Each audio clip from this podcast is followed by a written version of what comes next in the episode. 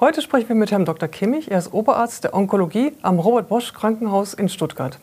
Wir sprechen über die Therapie des kleinzelligen Lungenkarzinoms.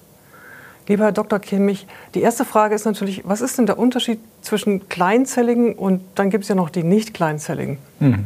Unterscheidung ist schon relativ alt und geht ganz einfach auf die Erscheinungsform der Tumorzellen im Lichtmikroskop zurück.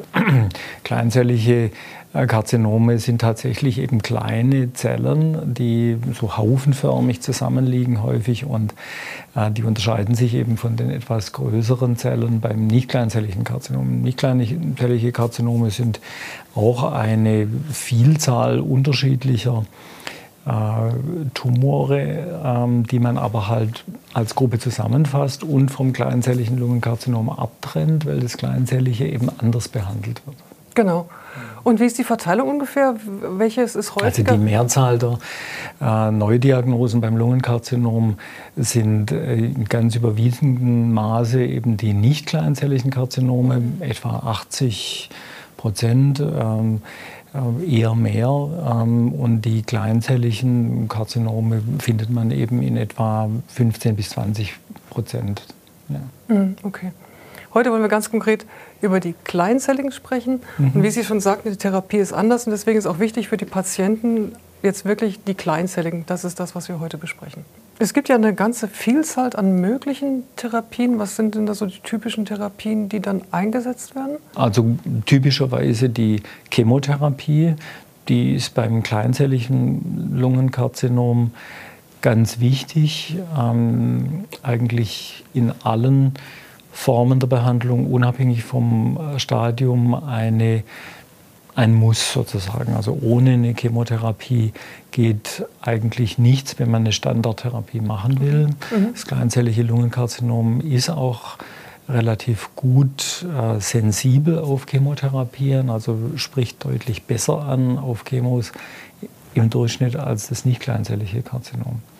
Und dann kommen noch Lokaltherapien in Frage, also ähm, in seltenen Fällen die Operation, häufiger bei den nicht sehr stark ausgeprägten äh, Ausbreitungsgraden auch die lokale Bestrahlung. Mhm. Und neuerdings eben auch immuntherapeutische Verfahren, die mhm. dann noch ähm, addiert werden. Vielen Dank für diese Übersicht. Und aber ich hatte das jetzt auch so verstanden, dass ähm, meistens dann eben mehrere Dinge gleich oder quasi in seri seriell oder gleichzeitig gemacht werden. Es ist ja nicht genau. so, dass genau. man eins davon macht und dann ist es fertig, sondern meistens muss man dann eine Kombination von vielen davon machen, ja. oder?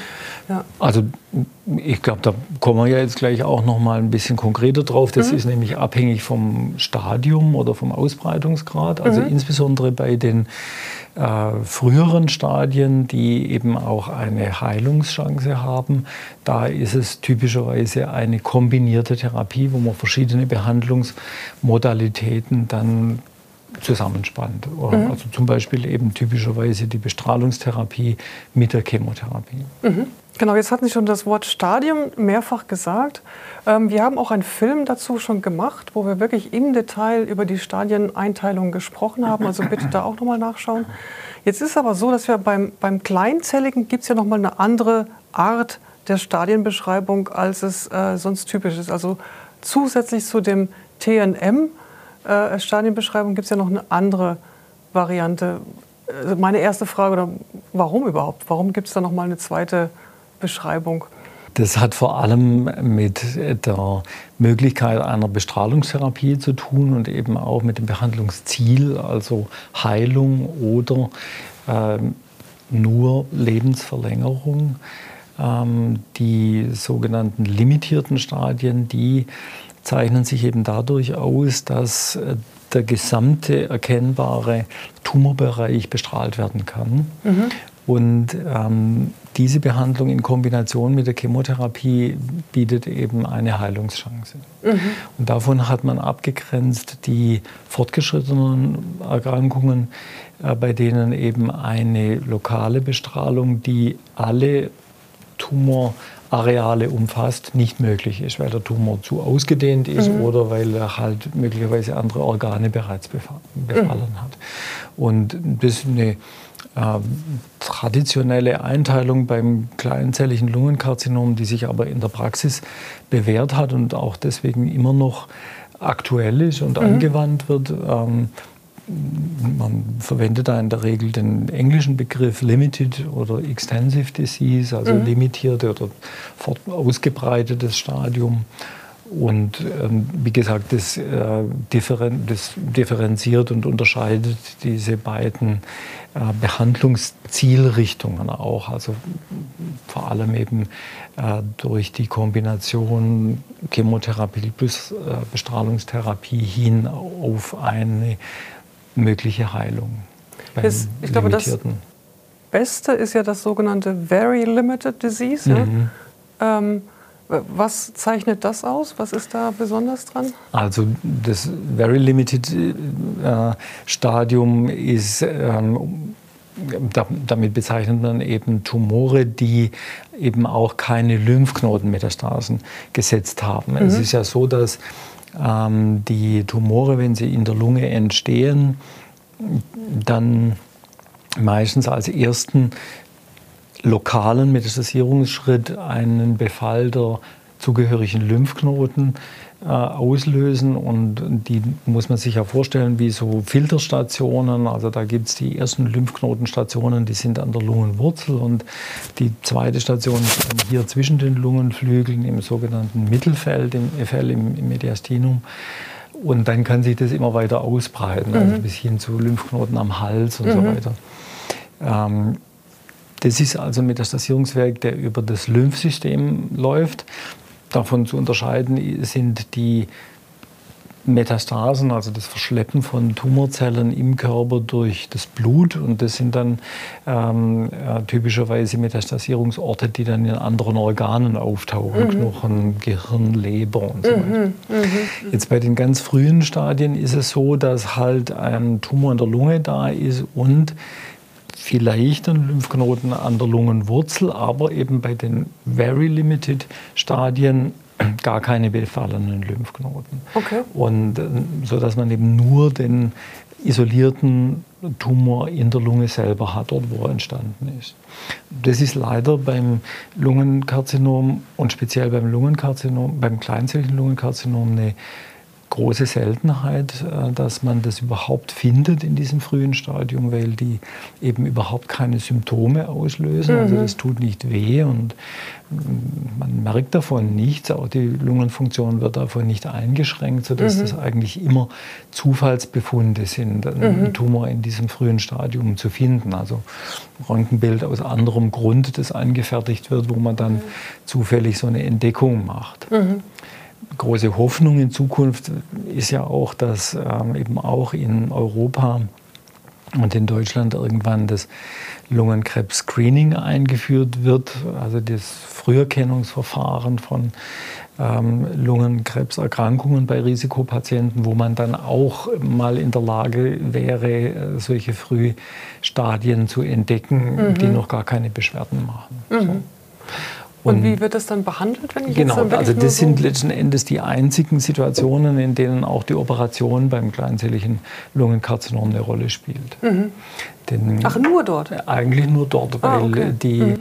Tumore halt ähm, durch die hohe, äh, die starke Wachstumstendenz so eine hohe Gefahr der Verbreitung im Lymphsystem oder übers Blut haben, dass mhm. eben eine äh, Operation äh, in der Regel nicht ausreicht oder nicht sinnvoll ist, um eine Heilung herbeizuführen. Mhm. Und ähm, es gibt ja, wie bei fast allen Tumorkrankheiten, auch beim kleinzelligen Lungenkarzinom entsprechende internationale Behandlungsleitlinien, die mhm. immer wieder aktualisiert werden. Und da ähm, gilt die Operation eigentlich als reserviert für die ganz frühen Stadien ohne Lymphknotenbeteiligung. Und wenn die, die Operation dann durchgeführt wurde, ist dann sozusagen fertig oder gibt es dann noch weitere? Ja, auch da setzt man noch auf die Chemotherapie, mhm. unabhängig von der Tumorgröße. Mhm. Auch das ist ein Unterschied zum nicht kleinzelligen Lungenkarzinom, wo ja auch in bestimmten Fällen nach der Operation noch Nachbehandlungen, zum Beispiel Chemotherapie, empfohlen wird. Da macht man das dann aber auch von der Tumorgröße abhängig. Beim kleinzelligen Lungenkarzinom ist es so, dass eine äh, rein lokale Therapie wie eine Operation nie ausreicht. Also nie. man mhm. wird immer eine sogenannte Systemtherapie, also in dem Fall eine Chemotherapie, die eben den ganzen Körper behandelt, ähm, fordern, um ein, eine Heilung anstreben zu können. Einfach weil das Verbreitungsrisiko auch ähm, im frühen Stadium so hoch ist und man mit Röntgenmethoden, egal welcher Art, äh, jetzt ja winzige äh, versprengte Tumorhäufchen, sozusagen Zellhäufchen, die nur mikroskopische Größe haben, nicht entdecken könnte.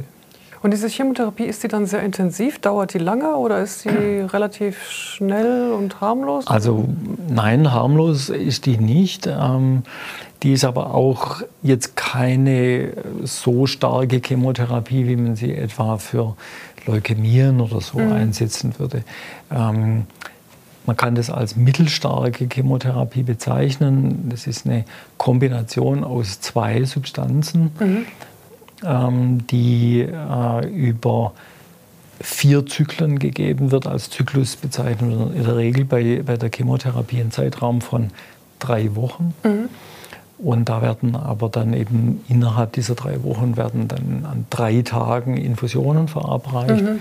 Kann man ambulant machen in aller Regel. Okay. Mhm. Und der Rest der drei Wochen ist dann Erholungszeit, bis mhm. sich alles wieder hergestellt hat. Und dann wird es eben wiederholt nach drei Wochen. Mhm. Und man äh, als, als äh, vollständige Nachbehandlungstherapie, gerade nach so einer Operation, würde man dann also nach vier Zyklen die Behandlung beenden. Mhm. In dem Fall ohne Immuntherapie. Also Immuntherapie ist im Moment beim kleinzelligen Lungenkarzinom für die fortgeschrittenen Fälle reserviert. Oh, okay. Und ist dann Bestrahlung auch noch notwendig oder ist man, äh, da braucht man das nicht? Also bei der Bestrahlung, da muss man unterscheiden zwischen äh, der lokalen Bestrahlung und einer Besonderheit, die es eigentlich nur beim kleinzelligen Lungenkarzinom gibt, und das ist die prophylaktische Hirnbestrahlung. Mhm. Ähm, ich gehe mal auf den ersten Fall ein, also die lokale Bestrahlung. Lokal des, der Lunge? Genau, okay. also dort, mhm. wo der Tumor entstanden ist mhm. oder dann operiert wurde. Nein, bei also Very Limited Disease nach Operation würde man üblicherweise keine Nachbestrahlung machen. Mhm weiß aus anderen Zusammenhängen, dass Bestrahlungen auch an der Lunge durchaus auch Langzeitnebenwirkungen haben mhm. können. Das sind ja dann auch, würde dann typischerweise ja das gesamte Lymphabflussgebiet, also hier mhm. im Bereich der, der Brustkorbmitte bestrahlen. Und äh, da weil, ist weil man hat ja kein konkretes Ziel. Genau, man, man hat ja kein konkretes okay. Ziel und würde ja. dann quasi den gesamten möglicherweise mhm. äh, befallenen Raum bestrahlen. Und das, das ist nicht sinnvoll. Also das wird mhm. nicht empfohlen. Mhm. Ähm, da würde man fürchten, dass das gerade zum Beispiel auch durch die Einbeziehung des Herzens und der Koronararterien und so weiter da mehr Probleme auslösen würde mhm. als helfen. Das kleinzellige Lungenkarzinom hat andererseits äh, auch in früheren Stadien eine besondere Gefahr äh, im weiteren Verlauf äh, Metastasen im Kopf zu bilden, also im Gehirn. Ähm, die Tumore unterscheiden sich da ein bisschen. Also es gibt typische Metastasierungsorte, je nachdem, was für eine Tumorkrankheit vorliegt. Und das kleinzellige Lungenkarzinom hat eben da eine besondere Tendenz, Hirnmetastasen zu bilden. Mhm. Ähm, und äh, je länger man dann solche Erkrankungsfälle nachbeobachtet, desto häufiger werden Rückfälle im Kopf.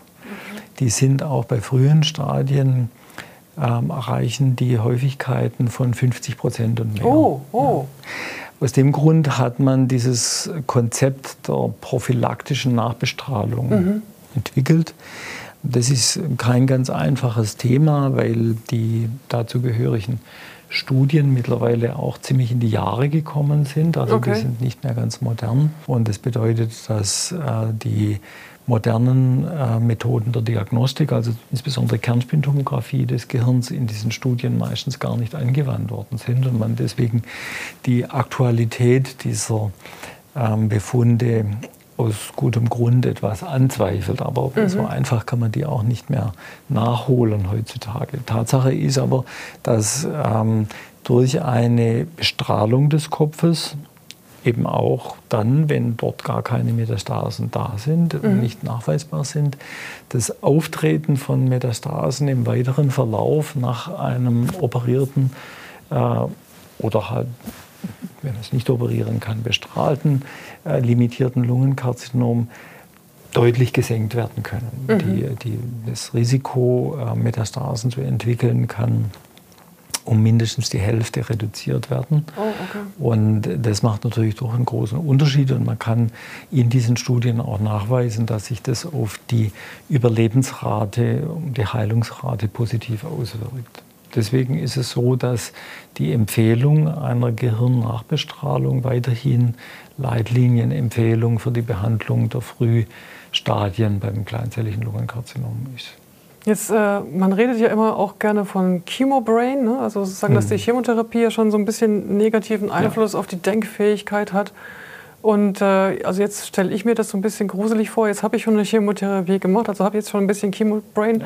Und wenn das noch bestrahlt wird, wie, also wie, welchen Einfluss hat es denn schlussendlich tatsächlich auf die Denkfähigkeit? Das ist, ja? das ist die Krux sozusagen bei der Entscheidung auch, ob ja. man sich dann für so eine prophylaktische Maßnahme ähm, eben durchringen kann, ähm, weil eine solche Bestrahlung durchaus auch schwerwiegende Nebenwirkungen mhm. haben kann. Mhm. Also gibt es Akutnebenwirkungen, die meistens dann abklingen, also mal Hautreizungen, das können auch Konzentrationsstörungen, manchmal äh, Hörstörungen und so weiter auslösen. Aber es kann einerseits ähm, das Haarwachstum dauerhaft äh, beeinflussen, also reduzieren, sodass nach der Chemotherapie wachsen die ja wieder nach. Mhm. Die gehen unter der Chemotherapie, gehen die Haare aus, aber erholen sich danach wieder nach einer Bestrahlung eben nicht. Also da ist es so, dass die nicht komplett ausgehen meistens, aber doch oft sichtbar ähm, reduziert sind, also mhm. viel, viel dünner sind oder mhm. manchmal auch kosmetisch dann so ungünstig ausgehen, dass mhm. man das, ähm, was man sich dann entscheidet, eine Perücke zu tragen oder die mhm. Haare ganz kurz zu schneiden oder so. Mhm. Aber das ist ein kosmetisches Problem. Problematischer sind die nicht häufigen, aber immer wieder sichtbaren Spätfolgen, die, ähm, ich sage mal den Fachbegriff neurodegenerativ äh, für Nebenwirkungen sein können, also wo es dann auch äh, Denkstörungen, Gedächtnisstörungen, äh, Einschränkungen der intellektuellen Leistungsfähigkeit geben kann, bis hin, hin zu Demenzentwicklungen. Okay. Ja, das ist natürlich dann eine ganz schlimme Wendung. Das muss man irgendwie äh, gegen den Wert einer höheren Heilungsrate aufwiegen. Das ist für den einzelnen Betroffenen natürlich oft eine ganz schwere Entscheidung. Gibt es da irgendwelche Indikatoren, welche Personen eventuell eher also eine Tendenz hätten da? In der Regel empfiehlt man das jetzt mal nicht bei Patienten, die schon neurologische äh, Probleme haben, also mhm. schon mal einen Schlaganfall gehabt mhm. haben mhm. oder die eben äh, tatsächlich vielleicht schon durch andere Probleme, schwerere Gedächtnisstörungen oder vielleicht sogar schon eine beginnende Demenz oder ein hohes Lebensalter mhm. äh, da beeinträchtigt sind. Und da würde man sowas dann lieber nicht machen. Mhm. gibt aber auch Patienten, die äh, grundsätzlich äh, sich da dagegen entscheiden, weil sie beruflich oder auch insgesamt im, im, in ihrem Alltagsleben und ihrem Selbstverständnis so sehr auf ihre ähm, intellektuelle Leistungsfähigkeit mhm. angewiesen sind, mhm. dass sie das nicht ertragen könnten und, mhm. und, deswegen sowas eben nicht machen wollen. Mhm. Und als Alternative, die sich durchaus auch jetzt äh, etabliert, auch bei den limitierten Fällen, sehr klar äh, etabliert bei den fortgeschrittenen Fällen, wo es auch eine Empfehlung zur Nachbehandlung des Kopfes gibt, die aber sehr, sehr viel seltener dann auch wirklich durchgeführt wird. Ähm, das ist die äh, äh, konsequente Nachkontrolle mit Kernspintomographie, also um mhm. das Auftreten von Hirnmetastasen dann eben frühzeitig zu erkennen und wenn das der Fall sein sollte, dann auch eingreifen zu können. Also eine Bestrahlung nur dann zu machen, wenn es wirklich notwendig ist. Eine Bestrahlung ist in dem Fall dann ja wahrscheinlich eben fokussiert auf genau den Punkt oder den Ort, wo dann eben dieser Tumor oder die Metastase entstanden ist und eben nicht das gesamte Gehirn. Oder, oder wie muss ich mir das vorstellen? Jein, also das, das ist eine neuere Entwicklung. Noch vor nicht allzu langer Zeit hätte man gesagt, Hirnmetastasierung bei Kleinzeller heißt immer Ganzhirnbestrahlung. Ach, okay. Mhm. Mhm. Ähm, davon ist man mittlerweile eigentlich abgekommen. Mhm. Ähm, die, der Grund für, für, für, diese sozusagen allgemeine Empfehlung war immer, dass man gesagt hat, die Wahrscheinlichkeit oder die Gefahr, dass ähm, eine Metastase nicht die einzige bleibt, sondern mhm. andere auch noch was mhm. auftritt, wenn man dann nur noch mal ein halbes Jahr oder so vergehen lässt, ist so groß, dass man da eine ganze Bestrahlung macht. Aber da hat es eben auch Entwicklungen gegeben mhm. und wie Sie sagen, würde man tatsächlich bei einzelnen Herden zunächst mal dann eine punktuelle sogenannte stereotaktische Bestrahlung machen. Mhm. Es sei denn, es wären jetzt Metastasen, die gleich in einer großen Anzahl vorliegen. Mhm. Also über fünf ist meistens so eine Grenze. Mhm. Auch da gibt es abhängig vom Strahleninstitut und von der jeweiligen Erfahrung mit fokalen Bestrahlungen Unterschiede, wie man das handhabt. Aber äh, meistens sind, sind, ist dann durch die Vielzahl der Metastasen wäre ein eindeutiger Grund, eine Ganzhirnbestrahlung zu empfehlen.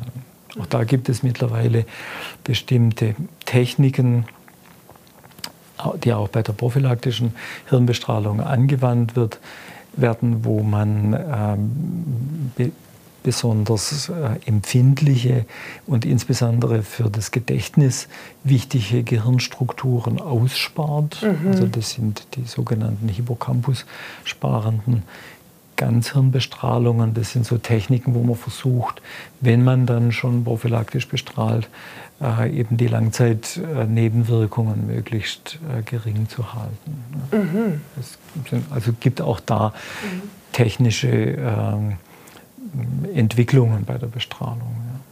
Und was mich jetzt noch interessieren würde, wenn jetzt jemand diese unterschiedlichen Therapieformen durchgemacht hat, jetzt beim Very Limited Disease, und die Sache erstmal fertig ist mit den Therapien, was kann man denn realistischerweise erwarten, wie es denn so einer Person danach geht? Ähm, kann die relativ schnell ihr davor gehabtes äh, Leistungsniveau wieder erreichen? Kann die wieder spazieren? Also wenn sie vorher spazieren und wandern konnte, kann sie danach mhm. auch wieder spazieren und wandern? Oder wie muss man sich das vorstellen? Gerade wenn man jetzt noch die Möglichkeit einer Operation hinzunimmt, mhm. ähm, das ist sehr unterschiedlich von Patient zu Patient.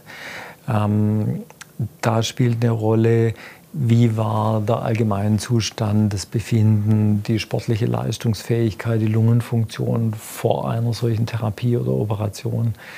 Ähm, und wie, wie wurde die Therapie als Ganzes verkraftet? Und das ist nicht immer so gut vorhersehbar. Also mhm. es gibt auch Patienten, die ähm, eigentlich mit großem Zutrauen in die Therapie gehen und überraschend dann doch mehr Nebenwirkungen haben als mhm. erwartet. Andererseits auch Patienten, bei denen man große Bedenken hat und wo alles relativ unkompliziert mhm. geht. Also das ist nicht, nicht immer verlässlich vorhersehbar. Mhm. Also allgemein kann man aber schon sagen, je stabiler jemand ist, der in so eine Behandlung reingeht, desto besser verkraftet er das meistens mhm. auch. Mhm. Und die Operationen haben ja sehr gewonnen, was die Verträglichkeit und die Geschwindigkeit der Erholung angeht, durch die äh, ähm, minimalinvasiven. Genau, durch mhm. die minimalinvasiven Eingriffe mit mhm. einer wesentlich kleineren Wundfläche, mhm. eben, wo dann doch die Erholung oft, also für uns Internisten auch erstaunlich schnell geht. Mhm. Äh, Patienten manchmal sogar schon nach wenigen Tagen unter einer Woche entlassen werden können. Und ähm, trotzdem ist es so, dass meistens doch dann eine Reha-Phase und so weiter sich anschließt, bis man dann wieder einigermaßen mhm. beisammen ist. Eigentlich, wenn man eine äh, begrenzte Operation machen kann, also nur ein Teil eines Lungenflügels entfernt, äh, sollte man eigentlich davon ausgehen, dass ein Patient im Alltagsleben dadurch nicht eingeschränkt ist mhm. durch Atemnot oder sowas. Ah ja, sehr gut. Okay. Schmerzen, bestimmte Beschwerden, also Missempfindungen, die können über viele Monate hinweg fortbestehen. Mhm. Und auch Folgen einer Chemotherapie können über viele Monate hinweg äh, noch da sein. Mhm. Eben gerade bestimmte Konzentrationsstörungen bei mhm. manchen Patienten, so eine chronische Müdigkeit spielt oft eine Rolle. Und äh, was die psychische Erholung angeht, ist das nochmal ein anderes Thema. Ja, ja. Also wenn mhm. man Patienten kommt, also das, was sie da durchgemacht haben, auch erst, erst wenn alles rum ist. Erst. Mhm. Ja. Ach so. Mhm. Und Sie, lieber Herr Dr. Kimmich, Sie sind jetzt ja schon eine Weile tätig in der Onkologie, äh, gerade im Bereich Lungenkrebs. Jetzt haben wir ja schon darüber gesprochen, dass diese Very Limited Disease eigentlich echt selten ist. Mhm. Daher meine persönliche Frage an Sie, wie viele solche Fälle hatten Sie? Vielleicht einmal im Jahr jemanden oh, oder so, mhm. ähm, wo, es, wo, eine, wo eine Operation möglich ist. Mhm. Ja. Mehr glaube ich eher nicht. Also wenn ich jetzt zurückdenke, im vergangenen Jahr war ähm, das ist noch gar nicht so lange her, da wurde ein Patient operiert, er hatte allerdings sogar einen Lymphknoten mit dabei, hat sich mhm. trotzdem für die Operation entschieden.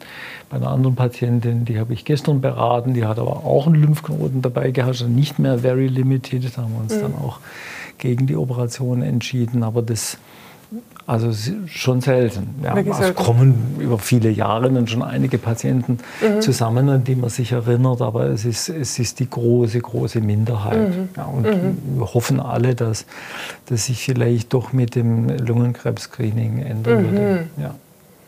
ja, darüber hatte ich auch schon mit Herrn Professor Kopp gesprochen und mhm. ja, das wäre wirklich wunderbar. Also vielen herzlichen Dank, Herr Dr. Kimmich, für diese Übersicht zum Very Limited Disease. Wir würden natürlich jetzt in den nächsten Schritten auch nochmal das Limited Disease und Extensive Disease da, Disease da näher anschauen. Danke.